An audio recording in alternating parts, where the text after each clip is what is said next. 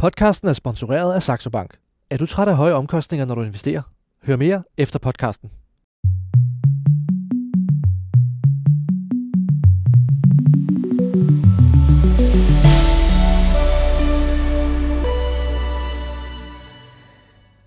Der er godt gang i markederne, og sikkert nogle udsving, vi oplever i selv nogle af de største danske aktier for tiden.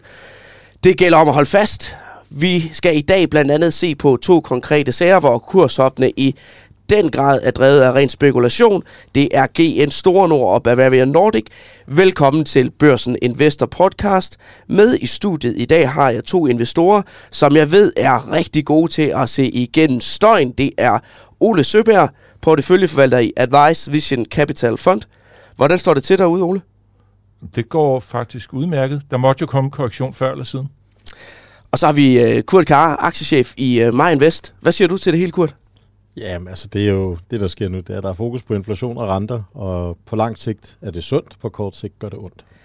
Jeg må bare konstatere, at uh, som altid, så er uh, det spændende tider ude på uh, aktiemarkedet. Jeg hedder Simon Kirketab, og øh, der bliver nok at øh, tale om her i programmet. Øh, og senere skal vi også købe to nye aktier til vores All-Star aktieportefølje, hvor vi har lagt for land med 600.000 i kapital.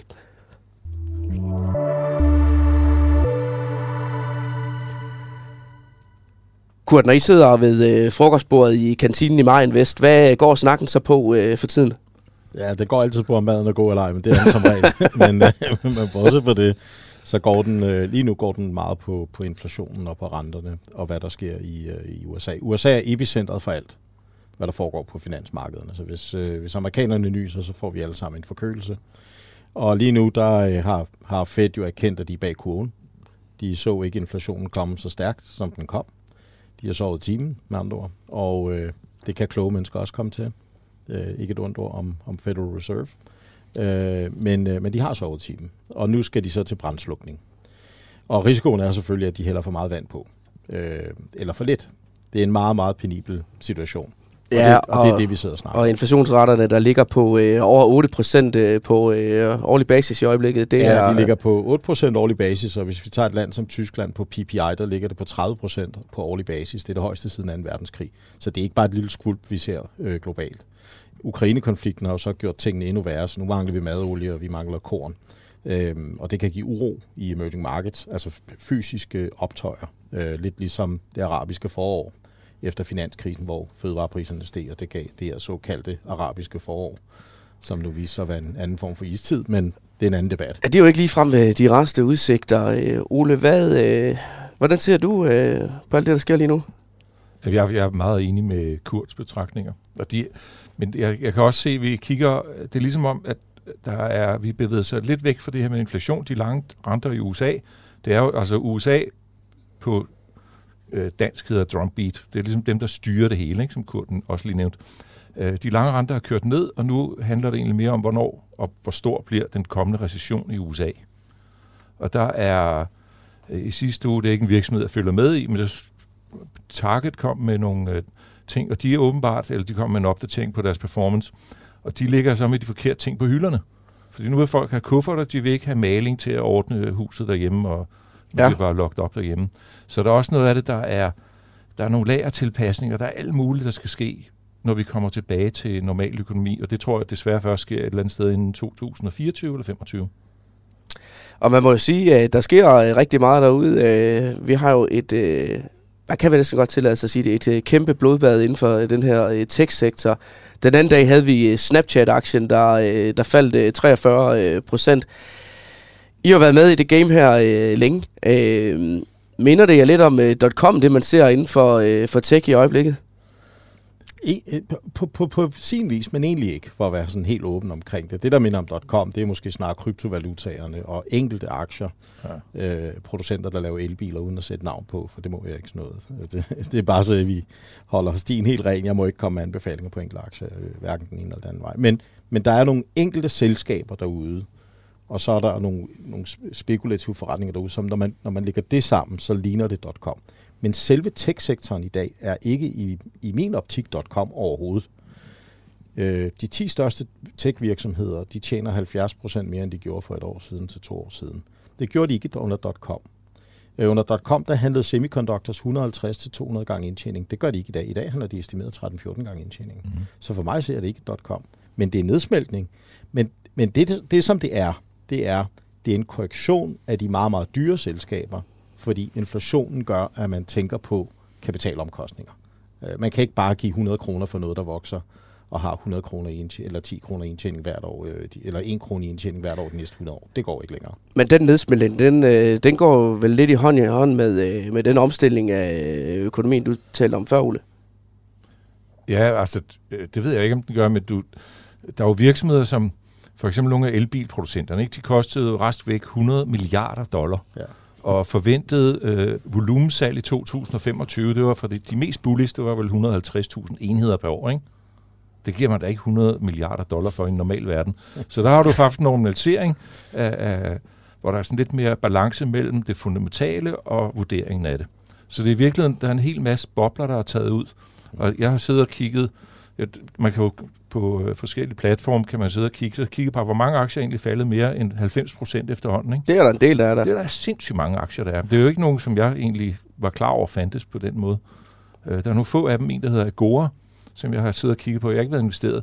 Den er gået fra 100 til 6 dollar på 9 måneder. Det er faktisk ret godt gået, synes jeg. Ja, det er lidt af en bedrift, det må man sige. Ja. Kurt, øh, hvordan, øh, hvordan indstiller du din portefølje til alt det, der sker så? Altså, du sidder jo og forvalter øh, MyInvest øh, Value. Øh, og som plejer at sige, speciale i at finde øh, undervurderede øh, selskaber og forsøge på at høste afkastet af dem. Ja, altså, man, altså regel nummer et, der at man aldrig lade en god krise gå ubenyttet hen. Aldrig.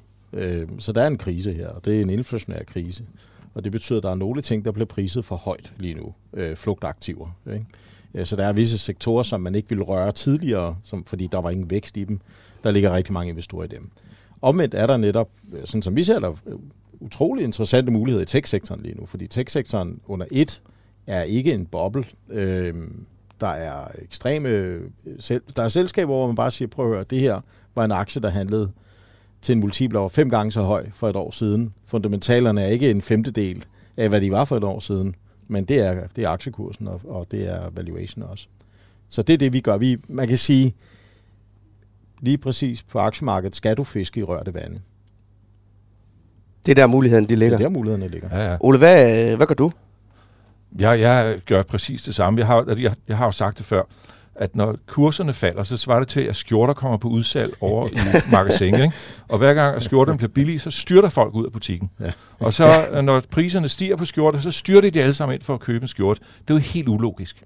Altså man ved jo godt, at man skal gøre det stik modsat. Ikke? Så det er, jeg elsker, når, når gode virksomheder er billige, og det er en fantastisk mulighed for at komme ind på nogle niveauer, og så holde dem forhåbentligvis i lang tid.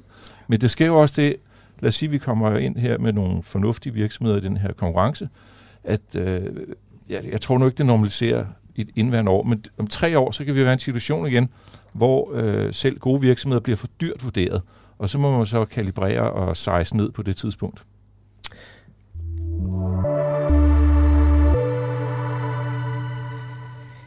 Jeg har to sager med til bordet her i dag, som, øh, som jeg gerne vil vende med jer. Øh, jeg nævnte dem i indledningen. Øh, det, er, øh, det er to aktier, hvor der virkelig øh, er sket noget øh, over de seneste dage. Og i hvert fald sige, at øh, det er noget, meget, vi har talt meget om øh, her på børsen. Den første, det er GN Store Nord. Tirsdag, der ser vi lige pludselig aktien stige 20% i løbet af bare en øh, times tid. Årsag, en nyhedsartikel fra øh, mediet Inside Business, der spekulerer øh, med anonyme kilder i, at kapitalfonde og industrielle købere undersøger mulighederne for at opkøbe og afnotere GN Store Nord. Og her snakker vi altså et selskab med en markedsværdi på over 30 milliarder kroner, så det er jo et af de helt store danske børsselskaber. Ja. GN de henviser til, at øh, man ikke kommenterer på markedsrygter, men markedet er tydeligvis interesseret i den historie med de kursudsving, vi så i aktien. Når der kommer sådan noget, tror I, der er noget undervejs i sådan en aktie? Og der er substans i den ja. overtagelseshistorie. Det må tiden vise. Jamen altså, altså ja. den medie, der kom med historien, er ikke det, der normalt bringer øh, substantielle historier til markedet, men altså, det kan der sagtens være i det her tilfælde. Hvis der kommer den slags øh, øh, nyheder i en af de aktier, I sidder med øh, normalvis, øh, hvad, hvad gør I så? Altså hvis det er uden substans, Jamen altså, det er vel det, det, det, du, det, er det, du øh, skal ind og vurdere. Nu har selskabet ikke. Altså, jeg har en, hvor det var fuldstændig usubstantielt. Det var, når øh, de der øh, Mimi-handlere, de kastede sig over Nokia-aktien. Ja. Øh, I januar 2021. Der lykkedes det faktisk at sælge i, øh, på lige i underkanten af 5 euro. Og så genkøbte jeg dem, jeg tror ikke engang, der var gået 6 uger på 3,5. Og dem har jeg stadigvæk. De ligger i 4,5 nu. Det var da et øh, fornuftigt køb. Ja, det var mere det held, at jeg lige har fulgt med den formiddag. Kurt, hvis, øh, hvis du oplever noget lignende, altså et af de selskaber, du sidder med, hvad... Øh, Jamen altså, Ole sagde det jo meget rigtigt. Hvis selskabet bekræfter noget her, at der er nogle ongoing negotiations, så er det klart, så må man tage det alvorligt. Men normalt er der jo nyheder om alt, og Gud ved ikke, hvad det er, der ligesom bevæger aktierne. Men vi lever i en verden, hvor, øh, nu, nu sagde Ole meme, meme-aktier, ikke? hvor Twitter og sociale medier fylder ufattelig meget. Og der er også algoritmer og robotter, der ligger og læser de her tweets og alle de her opslag og handler på det. Og det gør, at volatiliteten generelt på aktiemarkedet er eksploderet. Og det tror jeg desværre ikke er noget, der forsvinder. Det er nok kommet for at blive. Så nu nævnte du, Simon, at øh, i går var det Snap, der faldt 43 procent.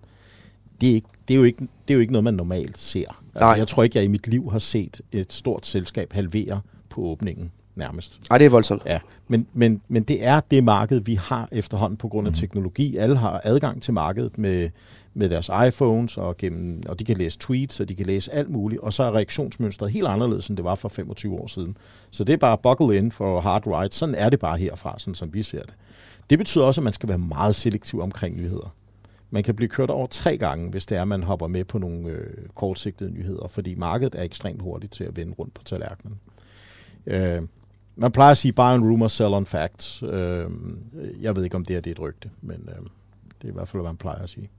Det er sjovt. Den, lige netop den bemærkning der, den havde jeg også øh, stående her okay. Okay. øh, på min øh, notesblok, fordi det, det, det gælder jo... Øh, Så jeg er jo foran kurven. Ja, det må man sige. det gør det. må man sige. Ole, du har jo, øh, du har jo siddet som øh, investor relations chef i Tryk øh, tidligere. Er i TDC, som var lidt mere rygte Ja. omspundet. Øh, kan du ikke prøve at tage os med ind? Øh, hvad sker der i maskineriet inde i sådan et børsselskab, øh, når der lige pludselig florerer sådan noget ude i markedet? Jamen, helt, helt enkelt, så har du en nede i skuffen, så har du, eller det ligger selvfølgelig digitalt, ikke? men du har øh, beredskaber på, der kan være lederskifte af forskellige årsager, der kan være overtagelsesrygter, der kan være i trykstilfælde, kunne det være en øh, kæmpe ildebrand eller øh, terrorangreb, et eller andet andet. Alt det der har du liggende klar. Ja. Men du skal selvfølgelig, hvis der er et overtagelsesrygte, så skal det bekræftes. Og i TDC's tilfælde i 2005, øh, der opstod der nogle rygter i foråret 2005, og så blev de mere substantielle hen over øh, sommeren. Var det dengang kapitalfondene der Det med at kapitalfond, og så det af? kom der nogle historier i Wall Street Journal i august 2005, og der bekræftede TDC så, at der har været nogle samtaler. Og fem måneder efter, så var kapitalfonden hovedejer, men de fik jo aldrig fuld kontrol. De fik kun 88 procent, så den blev ved med at være børsnoteret. Men der var, der var faktisk substantielt øh, indhold i det, og det gjorde, at investorbasen, den udskiftede sig meget, meget hurtigt. Lige pludselig blev det såkaldte eventfonds, der var de største, og det er meget hedgefonddrevet. Øh, Og det kan jo sagtens være det, der har kastet sig over øh, GN i går, uden at de ved, om der egentlig er noget, men altså, jeg følger ikke grundigt nok med i GN til at vide, om der kunne være nogle historier af den her art. Men der er jo tydeligvis nogen, der har, jeg har ikke kigget volumen, der er jo tydeligvis nogen, der har kastet sig over aktien i går. Øh, jeg kan ikke huske, øh, eller jeg, jeg tjekkede ikke øh, volumen på den, da handelsdagen var slut, men jeg kunne i hvert fald se i går, bare ved middagstid, der var handlet det samme i den, som det var på en, øh, en almindelig gennemsnitlig handelsdag. Så, Så og vi skal øh, op i nærheden af fem gange normalt, hvis det skal være substantielt. Jeg vil sige, jeg vil sige det, det som sådan et, et rygte afføder hos os og reaktion, det er, øh, hvis man ved, hvem det er, der byder, så skal man se på, hvad byder de på, og hvad giver de for det. Ja. Og det kan faktisk fortælle meget mere om dem, der byder på selskabet, end om selskabet, der bydes, bydes på. hvordan det? Hvis nu de byder alt for høj en pris, øh, så ved man ligesom, at øh, det selskab, der byder, åbenbart ikke har styr på valutaens, øh, deres egen valutas værdi. Altså aktierne, de Ja. ja. byder med. Ikke? Øhm, øh, og, og det er et advarselstegn. Altså når ledelsen i et selskab ikke kan sidde stille, fordi de føler, at kontanterne brænder huller i lommerne. Ikke? Og så går de ud og køber en, og så laver de et eller andet, undskyld mig, et, et tosset opkøb øh, til en multiple. Der er, alt, der er tre-fire gange højere end deres egen multiple, for eksempel. Ikke? Og så, så nogle gange, når vi hører sådan noget der, så kigger vi, hvem er det, der byder? Det kan fortælle to ting. Det kan fortælle, om det, der bydes på, er det, øh, er- det reelt noget, der er undervurderet? Der, kan- der kan man lave en analyse. Men hvis det er overvurderet, så fortæller det ufattelig meget om den, der byder på det. Og det er, det er noget, man så skal formentlig undvige. Ikke? Men Ole, du må vel også have prøvet at sidde øh, på den anden side af bordet der, så der er kommet rygter, der ikke har været noget hold i. Øh, Ja, de var der jo af og til. hvad- Der må man bare sige ingen kommentar. men og så gør er man, den ikke længere. gør man noget for at øh, finde ud af, hvor rygterne er opstået henne, eller øh, siger man, Ja, ja, det gør okay, du- det beskæftiger vi os ikke med, eller... Ja, det er jo så på de interne linjer, så Ja. begynder man at finde, hvad er det, hvor opstår de her ting, og hvordan kan vi prøve at fange dem tidligere, således at vi er bedre forberedt. Men der opstår fra tid til anden. Øh, altså GN er jo i virkeligheden høreapparaterne, så er det headsetsene, mm. og så er det SteelSeries. Så det er jo tre virksomheder lige for øjeblikket. Og så kan man jo godt forestille sig, at der var nogen, der var interesseret i at dele den op i tre enheder. Ja, så får de skjulte værdier frem i lyset, som man plejer at sige, at når man... Øh, Ja, høreapparatenheden, den er jo ikke, øh, i- hvis det måler den op mod deres konkurrenter, så er det jo den mindste spiller på markedet. Så den kan jo blive konsolideret, så det kan godt være, at der er noget om snakken. Øh, men det kræver så lige, at man bruger en del timer på at grave lidt videre ned den her. ja. Vi har desværre ikke øh, flere øh, timer her. Nej. Men, jo. men lad, os lige, øh, lad os lige tage den, øh, den anden øh, aktie op her, som, øh, som jeg også nævnte tidligere. Det er, det er Bavarian Nordic, og der må jeg bare sige, det er virkelig et selskab, der bliver kastet rundt på børsmarkedet øh, lige nu. Den er jo øh, faldet fuldstændig sammen, efter vi i øh, 2001 ellers så den blive hypet voldsomt øh, op på grund af øh, meldinger om den her øh, nye kommende covid-vaccine. Men så er covid ligesom øh, blevet lidt i baggrunden, og øh, det samme er hypen, og så er den jo ellers bare øh, faldet voldsomt. Lige indtil, at øh, den her abekoppe sygdom så øh, dukker op, og øh, bum, Bavarian har en øh, vaccine til den, og så skal jeg ellers love for, at øh, tingene de løber stærkt. En øh, fordobling af markedsværdien på, øh, på bare øh, to uger, og så et kursdrop derfra på 23% på øh, bare en øh, enkelt dag. Det øh, virker jo mildest talt forvirrende. Øh, sådan i forhold til investeringspsykologien i det, så tænker man da sådan lidt, øh, er markedet øh, dumt? Altså, øh, investorerne løber lidt øh, rundt efter den aktie som øh, hovedløse høns. Hvad tænker I, øh, når I ser sådan noget udspille sig? Jeg, jeg har faktisk haft fornøjelsen at mødes med ledelsen i marts måned i år af, for Bavarian. Og så lavede jeg en, så godt jeg nu kunne, et gætværk på, hvordan virksomheden ser ud i fremtiden. Og der har du de her abekopper og covid og RS-vacciner og alt muligt andet. Øh, øh, og jeg kan bare konstatere, at de første 20 års rejse på den virksomhed, det har været, inde, det har været sidelæns, men inden for et meget stort interval. Lad os sige mellem 100 ja. og, eller 50 og 400. Ikke? Og der ligger den jo stadigvæk. Øh, så den er meget eventdrevet aktie. Og det er sådan en, skal, man skal virkelig overveje at være inde i den på en kortsigtet øh, måde. Hvis jeg prøver at lave en nutidsværdi af fremtidig indtjening på den, og jeg kører, mine modeller, de stopper nu 20 år frem, så i 2042, uanset om det er S&P 500 eller Bavarian, så har jeg 0 fremtidsværdi. Så det er det cashflow, der opstår de næste 20 år. Og jeg kunne altså ikke regne den til mere end cirka 200 på den måde, jeg laver tingene. Men jeg kan se, at der er nogle i sell side, som ligger på 300, 400, 450, tror jeg er det højeste. Men de har meget stor værdi på den indtjening, der ligger efter 2042. Ja, der er der så sat lidt tid til endnu. Ja. Gurt, øh, du talte før om, øh, om det volatiliteten i markedet og i enkelte aktier. Det er øh, vel øh, netop en case på det, vi, øh, vi ser her. Ja, altså hvis man, hvis man skal være lidt kynisk, og det må man jo godt være, også på radioen, ikke? Uden- jeg anbefaler ingenting at sige, men hvis du har set en aktie, som har cyklet op og ned som en jojo de sidste øh, 23 år, og i de 23 år har givet 2,5 procent pro anno i afkast, hvilket er over de 23 år formentlig mindre end hvad en statsobligation har givet, Ja. så har du altså løbet en fuld aktierisiko, men du har, taget en, øh, men du har fået et afkast, der faktisk er mindre end en, en statsobligation, som i hvert fald i skolebøgerne, måske ikke lige disse tider, men dengang, blev kaldt det risikofri afkast. Det er det første. Nu siger jeg ikke, at det er det, der er casen for Bavarian. Jeg vil ikke udtale mig om den. Men hvis jeg ser en aktie, der har sådan en jo-jo-mønster over Mm. 23 år, og jeg ser, at den stiger meget, meget hurtigt lige pludselig, så er jeg nok ikke en køber i den, hvis jeg havde den. Jeg vil nok snarere være en sælger, men det, men det er bare, hvad jeg ville have gjort. Jeg synes, det er utilfredsstillende, når man over 23 år øh, har givet 2,5 procent i afkast. Ja, det er... er huske på en ting. Markedet kan godt være irrationelt på den korte bane. Ben Graham, som er grundlæggeren af value-filosofien, sagde jo, markedet er en stemmemaskine på den korte bane, men på den lange bane er det en vægt, der vejer den tingene korrekt. Over 23 år, der har man vejet selskaber korrekt. Så Det når man man ikke har givet mere 2,5 procent, så er det fordi kapitalforretning i firmaet ikke har været høj nok. Så jeg vil sige, øh, når tingene spiker på nyheder, igen, buy on rumors, sell on facts, ja, ja, det er i hvert fald det, man plejer at sige. Jeg skal ikke anbefale noget i den konkrete situation, men, men øh, Historien, ja, jeg kørte historien. Det er super er inspireret. Øhm, jeg kørte en hel masse dataserie for at finde ud af, hvad er korrelationen mellem øh, indtjeningsvækst og kursudviklingen.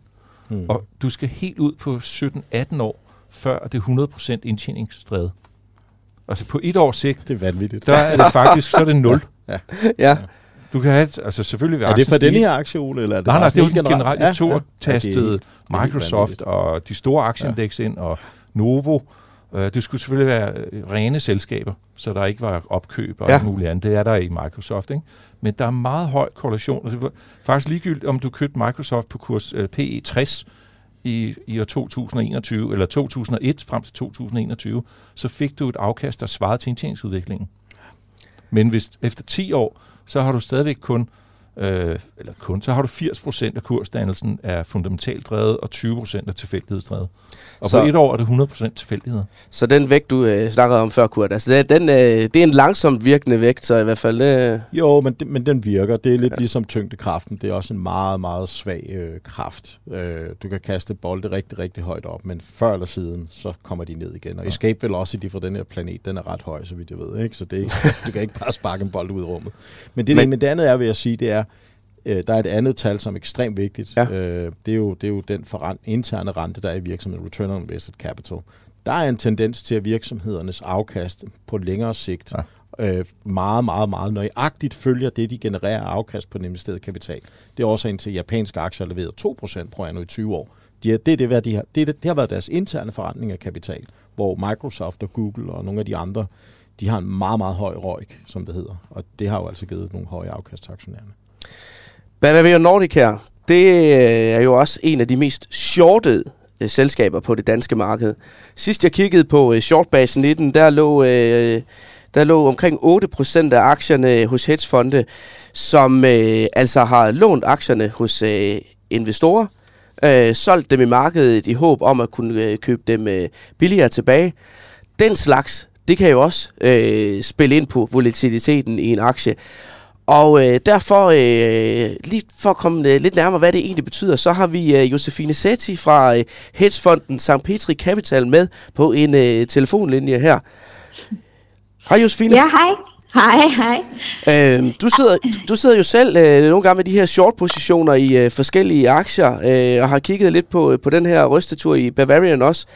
Kan du ikke lige prøve lige at øh, tage os øh, med ind i, øh, hvordan og hvor meget tror du, at øh, hedgefondenes greb om sådan en aktie har spillet ind på øh, volatiliteten?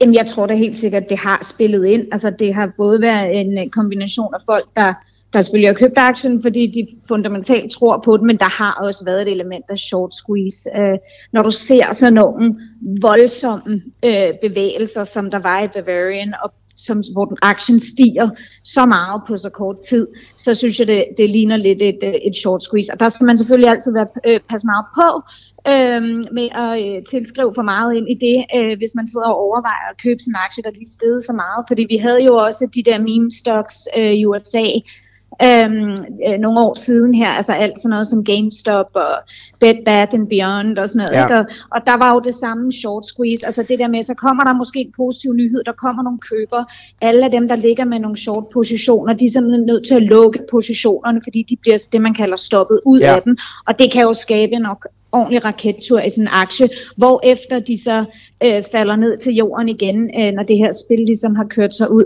Men jeg vil så lige sige, 8% short i Bavarian Nordic er jo ikke, det, det er meget, men det er ikke sådan, altså øh, short-positionerne i de der meme stocks i USA, øh, som jeg nævnte lige før, de var jo sådan noget 30-40% af ja, free float, der var shortet, og, det der, altså, og så, så bliver det rigtig vildt, ikke? Um,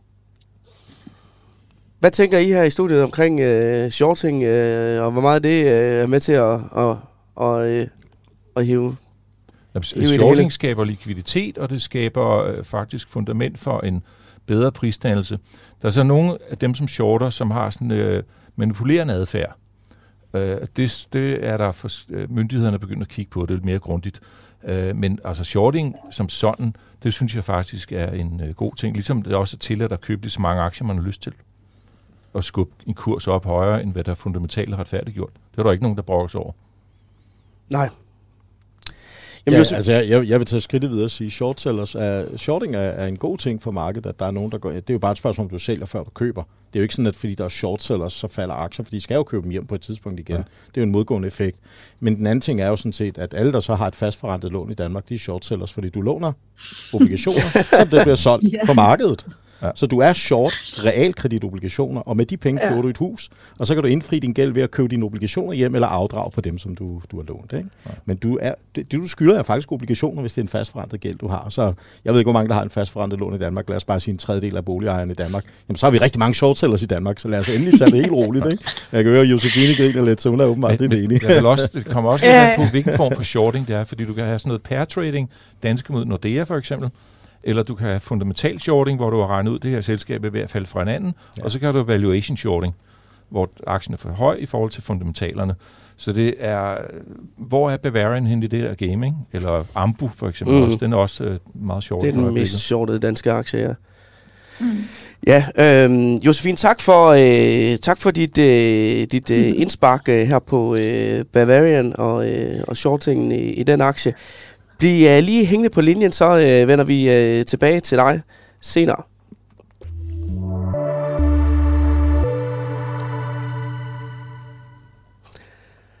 Ole, nu skal vi høre øh, din beretning fra øh, frontlinjen i aktiemarkedet. Øh, har du et eller andet øh, spændende med i studiet i dag? Et eller andet, du har oplevet? Øh, noget, du har, har været ude at se på, som du kan øh, bringe til bordet her? Ja, altså jeg, jeg er den type investor, elsker at sparke til dækkene, kick the tires, som man må sige. Ikke? Øh, og kapitalmarkedsdage hos bryggerier, de er faktisk øh, ret gode for at smage produkterne. Øh, der er en lang række virksomheder, softwarevirksomheder, det er ikke helt så spændende. Men jeg var til Mercedes kapitalmarkedsdag nede i Côte d'Azur i Monaco sidste uge. Det lyder også lækkert. Og Det, det var en fantastisk oplevelse, fordi det er en strategiopdatering, hvor de går imod luksussegmenterne, og i den forbindelse så viste de så en række af de øh, nye produkter. Og det er første gang, hvor jeg har været til en kapitalmarkedsdag, hvor jeg skulle underskrive en øh, non-disclosure agreement på at se nogle af de nye produkter, hvor man kommer ind i sådan en dark room, ligesom det vi sidder nu, og så holder der bilerne, som kommer på markedet i 2024 og 25 og 26. Det var helt fantastisk. De har altså et produktline op, som jeg mener har øh, meget gode muligheder for at få øget markedsandel i high-end-segmentet. Okay, det lyder interessant. Øh, er, det, er det rene elbiler så, eller... Det er, altså, pt. er det både el og benzin, men det er, altså stigende omfang bliver det kun elbiler. Okay, Og dem, der- dem der, hvor jeg skulle skrive under på NDA, det er kun øh, elbiler. okay. Nogle nye modeller. Men øh, hvad tænker du om, om øh, Mercedes som er aktie, så øh, efter at have været på sådan en tur der? Altså, det er, det er lidt af en... en øh, jeg prøvede at tænke på, hvad har der ellers været af virksomheder, hvor du har en volumenproducent af et produkt, som går hen og siger, nu skal vi sælge færre enheder. De går fra at sælge 2,5 millioner enheder om året ned til omkring 2 millioner. Til gengæld så bevæger de sig op i øh, værdikæden og sælger bilerne gennemsnitligt dyre. Øh, Porsche har en gennemsnitspris per solgt bil på 110.000 euro, og der vil øh, de sælge 300.000 om året. Ikke? Mercedes har i samme segment også 300.000 biler. Det er Maybach og AMG'erne, der ligger Det er deroppe. de helt dyre, ja. Og dem vil de så øge til 500.000 enheder om året. Til også lidt over 100.000 euro. Så kan du tage helt ned i det andet hjørne, så har du sådan en som Ferrari, som laver, jeg tror, de laver 10.000 biler om året, og de sælger dem for, for 350.000 euro per styk i snit. Øhm, og har en meget høj lønsomhed. Og det har Porsche også meget høj lønsomhed. Så jeg tror faktisk, hvis det lykkes for Mercedes det her, så har du en virksomhed, som lige pludselig, tilbage til det, som vi lige talte om før med Røjk, som ikke har en uh, return on invested capital på sådan 6-8%, men så nærmer du dig faktisk en uh, 12-15% ifølge mine præliminære beregninger. Okay, Og det, det retfærdiggør en højere kurs. Ja, det lyder jo spændende. Altså, øh, bilaktier, det er jo øh, noget, jeg må sige, jeg har hørt utrolig mange gange i øh, konteksten billig, billig, billig. Og sådan har det jo kørt i, jamen altså, jeg tror de sidste 5, 6, 7, 8 år eller sådan noget, øh, har, den, øh, har den fortælling været bragt til banen utallige gange. Ja. Øhm, og det er jo sådan, når man kigger på øh, price earning, hvor meget betaler man for en øh, krones indtjening.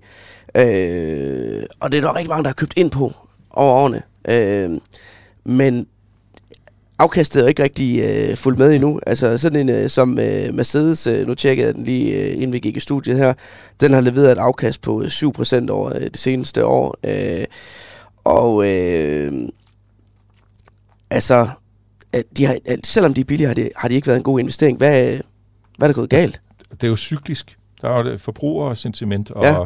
forbrugertilbøjelighed. Den påvirker jo bilsalget, ligesom påvirker alle andre produkter, som er oppe i den øh, dyre prisklasse. Øh, men hvis jeg lavede nogle kørsler, hvor jeg så siger, hvis du, hver gang du har haft et øh, en, øh, fald i bilsalget på globalt basis, altså da jeg startede på at investere, der var det årlige bilsalg på 35 millioner enheder. Og i et normalt år, så vil vi nærme os 100 millioner enheder nu her. Øh, sidste gang, hvor der var et dyk, det var efter finanskrisen, og fra 2010 11 stykker hen til 2016, så outperformede bilindekset generelt set markederne. De outperformede endda tech-aktierne i USA. Nu har vi øh, haft tre år, det er faktisk en længere periode end under finanskrisen, hvor bilsalget har været under normalen. Fra mm. allerede 19 var det faktisk lidt svagt. Men 20 og 21 og også 22 ser ud til at blive kedelige. Så jeg tror, der er det, der hedder pent-up demand på cirka 40 millioner enheder, som der skal indhentes i løbet af de kommende år. Og det kan altså godt give et øh, kæmpe bul på bilmarkedet, og specielt på elbilerne, fordi mange vil vælge, at vi skal have en, der er fremtidssikret. Ja. Fordi hvad gensilt, hvis du køber en dieselhakker i dag, hvor meget er den værd i 2031? Det, Ja, du siger 0. ja, ja, det vil nok have en eller anden form for Ja, scrap det de har det. Der er noget, jeg gerne kørt den ind på lossepladsen. Ja. Det er ikke den gamle model, øh, hvordan den tabte et eller andet, og så kunne den nærmest lineært sige, hvad den ville være efter 10 år, ikke? eller 6 år, hvor lang tid man nu har den. Så, øh, så jeg tror, der kommer et kæmpe udskiftning af hele bilparken. Øh, og så hvem er godt positioneret der? Der er Tesla selvfølgelig, ja. der er lidt dyrt vurderet. Ja, det er jo det, der er lidt spøjst ved uh, bilaktier. Det er jo det er virkelig et, uh, et todelt uh, marked, aktiemæssigt i hvert fald. Vi har de klassiske bilfabrikanter, BMW, Mercedes, uh, VW, den slags, som har været utrolig billigt prissat øh, i markedet. Så har vi øh, Tesla og øh, andre øh, elbilsproducenter, som øh, jo har handlet til øh, multipler øh, helt op øh, på månen. Øh, så det har jo været et mildestalt fragmenteret øh, marked i forhold til bilaktierne. Kurt, noget af det, øh, man jo snakker om, når man snakker value-investering, det er jo øh, det, man kalder en value trap. Ja. Altså øh, det, hvor noget det ser øh, undervurderet og lækkert ud af... Øh, billigt, øh, og alligevel ender det som dårlige investeringer. Ja, det er det, jeg plejer at sige. Gratis ost finder, finder du kun i musefælder. Ja. Øh. Bilaktie, er det, ikke, er det ikke en klassisk value trap? Uh, jo, det har det været i lang tid. Jeg tror også, at i noget tid vil det stadigvæk være. Der vil være value traps, der vil også være muligheder. Men for at vende tilbage til, fordi Ole kom jo ind på igen det her med røgken, som jeg mener er det mest centrale tal. Der, der er jo sådan, røgken for, for autoindustrien over, over, en, over en helt bred kamp, den er formentlig ikke mere end 4-5 procent. Ja. Og det er det, man har fået i afkast på dem på lang sigt. Altså, du kan ikke, du kan ikke køre hurtigere end en bil, end der er hestekræfter i motoren. Uanset hvad du gør ved karosseriet. Så hvis den interne rente i et firma ikke er højt, så er lige meget, hvad, det er lige meget, hvilken direktør du sætter ind i firmaet. Det er lige meget, hvilke programmer han sætter i gang. Det er lige meget, hvilken cost-cutting han laver. Det er lige meget, hvad han gør. Så længe motoren derinde ikke kører hurtigere, den ikke har mere end 50 hestekræfter, så kan du ikke forvente, at det bliver en Formel 1-bil. Øh, så det er det ene. Og så value trap, ja, der er masser af traps i, i autoindustrien, uden tvivl. Men prøv, prøv at holde fast i følgende. Lad os sige, at autoindustrien har en røg på 5% pro anno de næste tre år. Men at inflationen hedder 6% pro anno de næste tre år, mm. så taber de kapital efter inflationen er betalt. Hvert år. Prøv at tænke på det.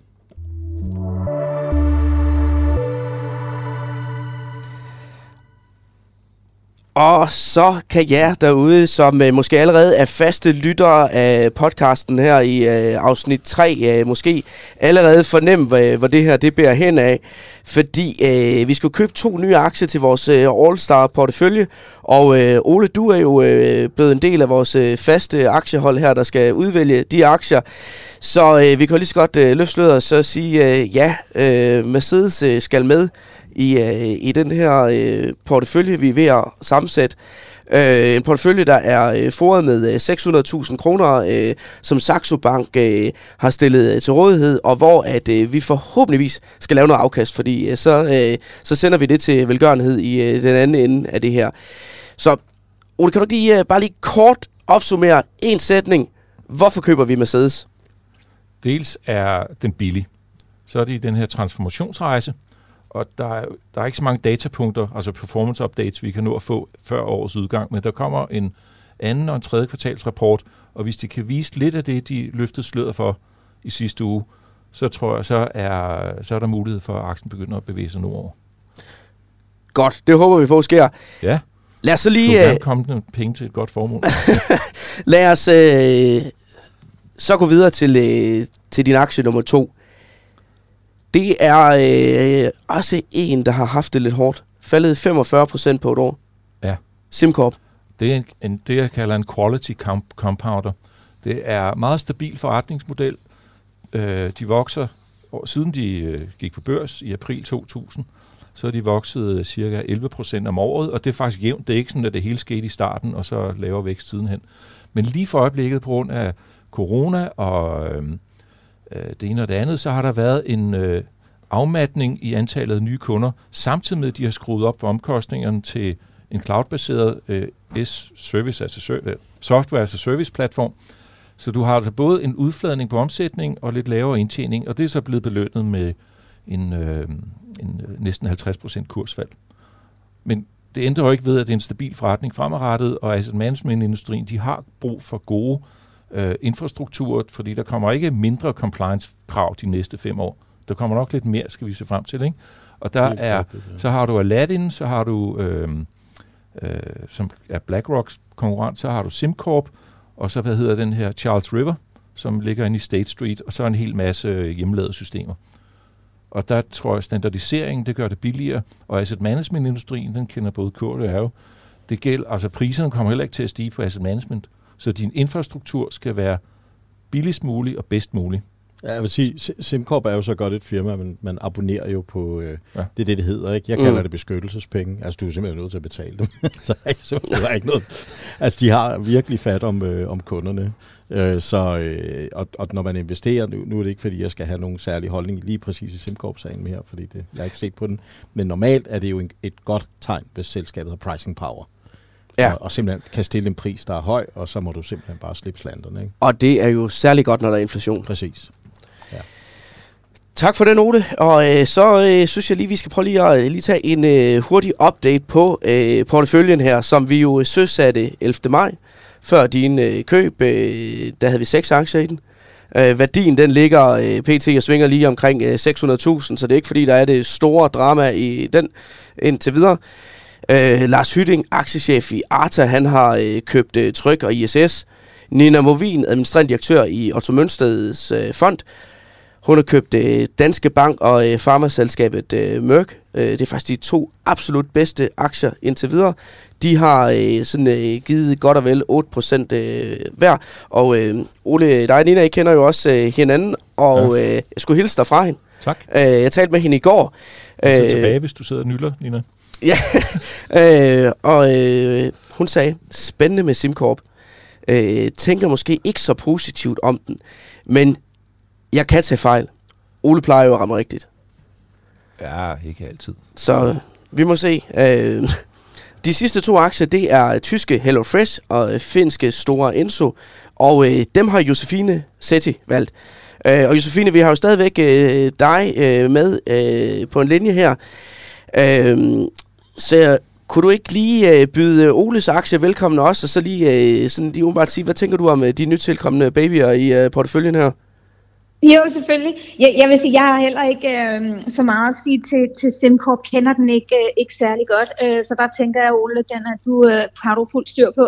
Øhm, Mercedes, øh, der er jo allerede blevet, blevet sagt en del om, øh, om den historie. Ikke? Altså ligesom med Folkevogn og mange af de andre øh, bilaktier har det jo været en stor transformation, de skulle igennem fra at lave de der combustion engine vehicles og lave elbiler.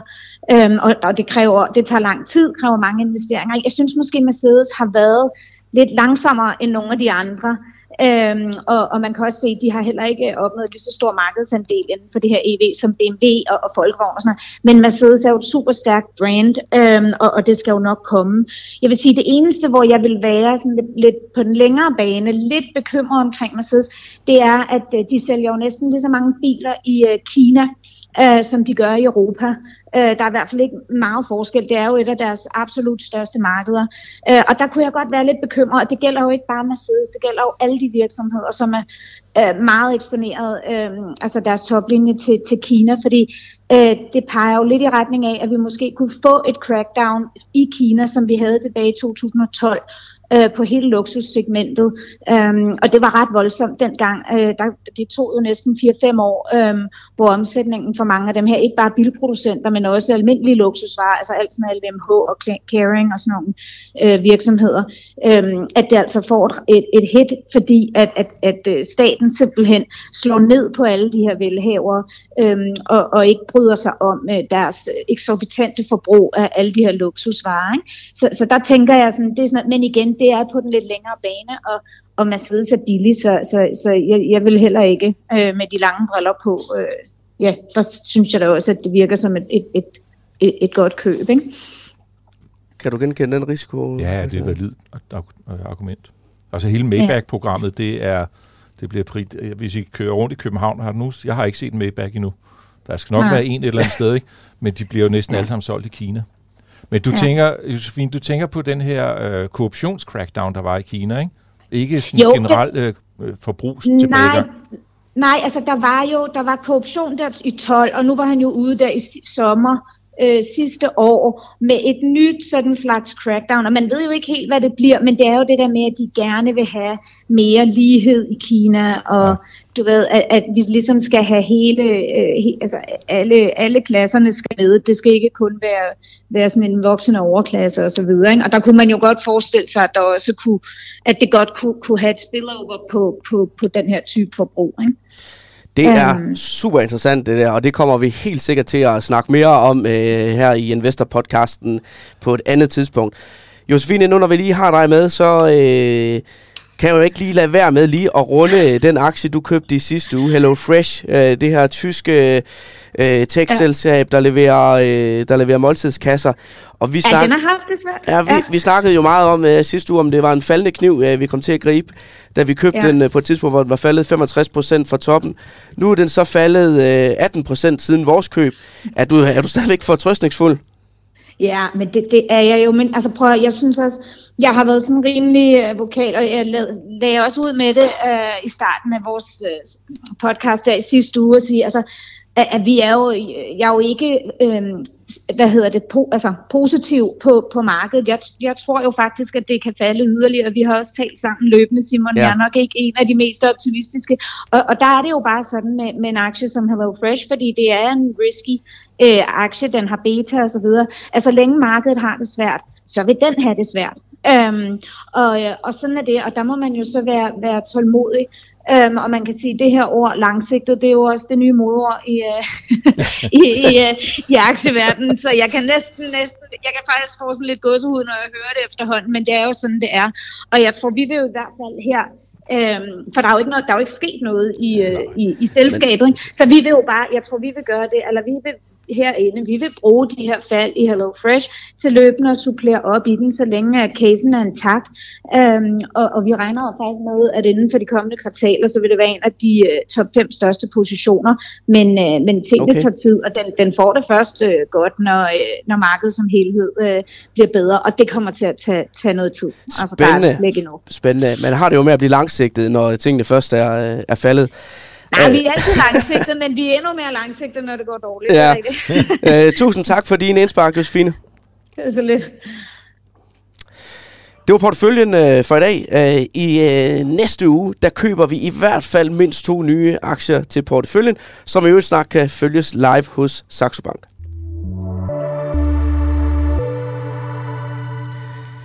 Vi skal til at slutte Investor-podcasten for denne omgang. Hvis du har ris eller ros, så send det gerne ind til os øh, via mail investor Så skal vi prøve at gøre os umage næste gang for at lave en endnu bedre podcast. Ola Kurt, tak fordi uh, I var med i dag. Selv tak. Selv tak. I studiet i dag, Kurt Kare, aktiechef i MyInvest, Ole Søberg, porteføljeforvalter i Advice Vision Capital Fund, Peter Emil Witt stod for teknikken. Mit navn er Simon Kirketab. Tak fordi du lyttede med.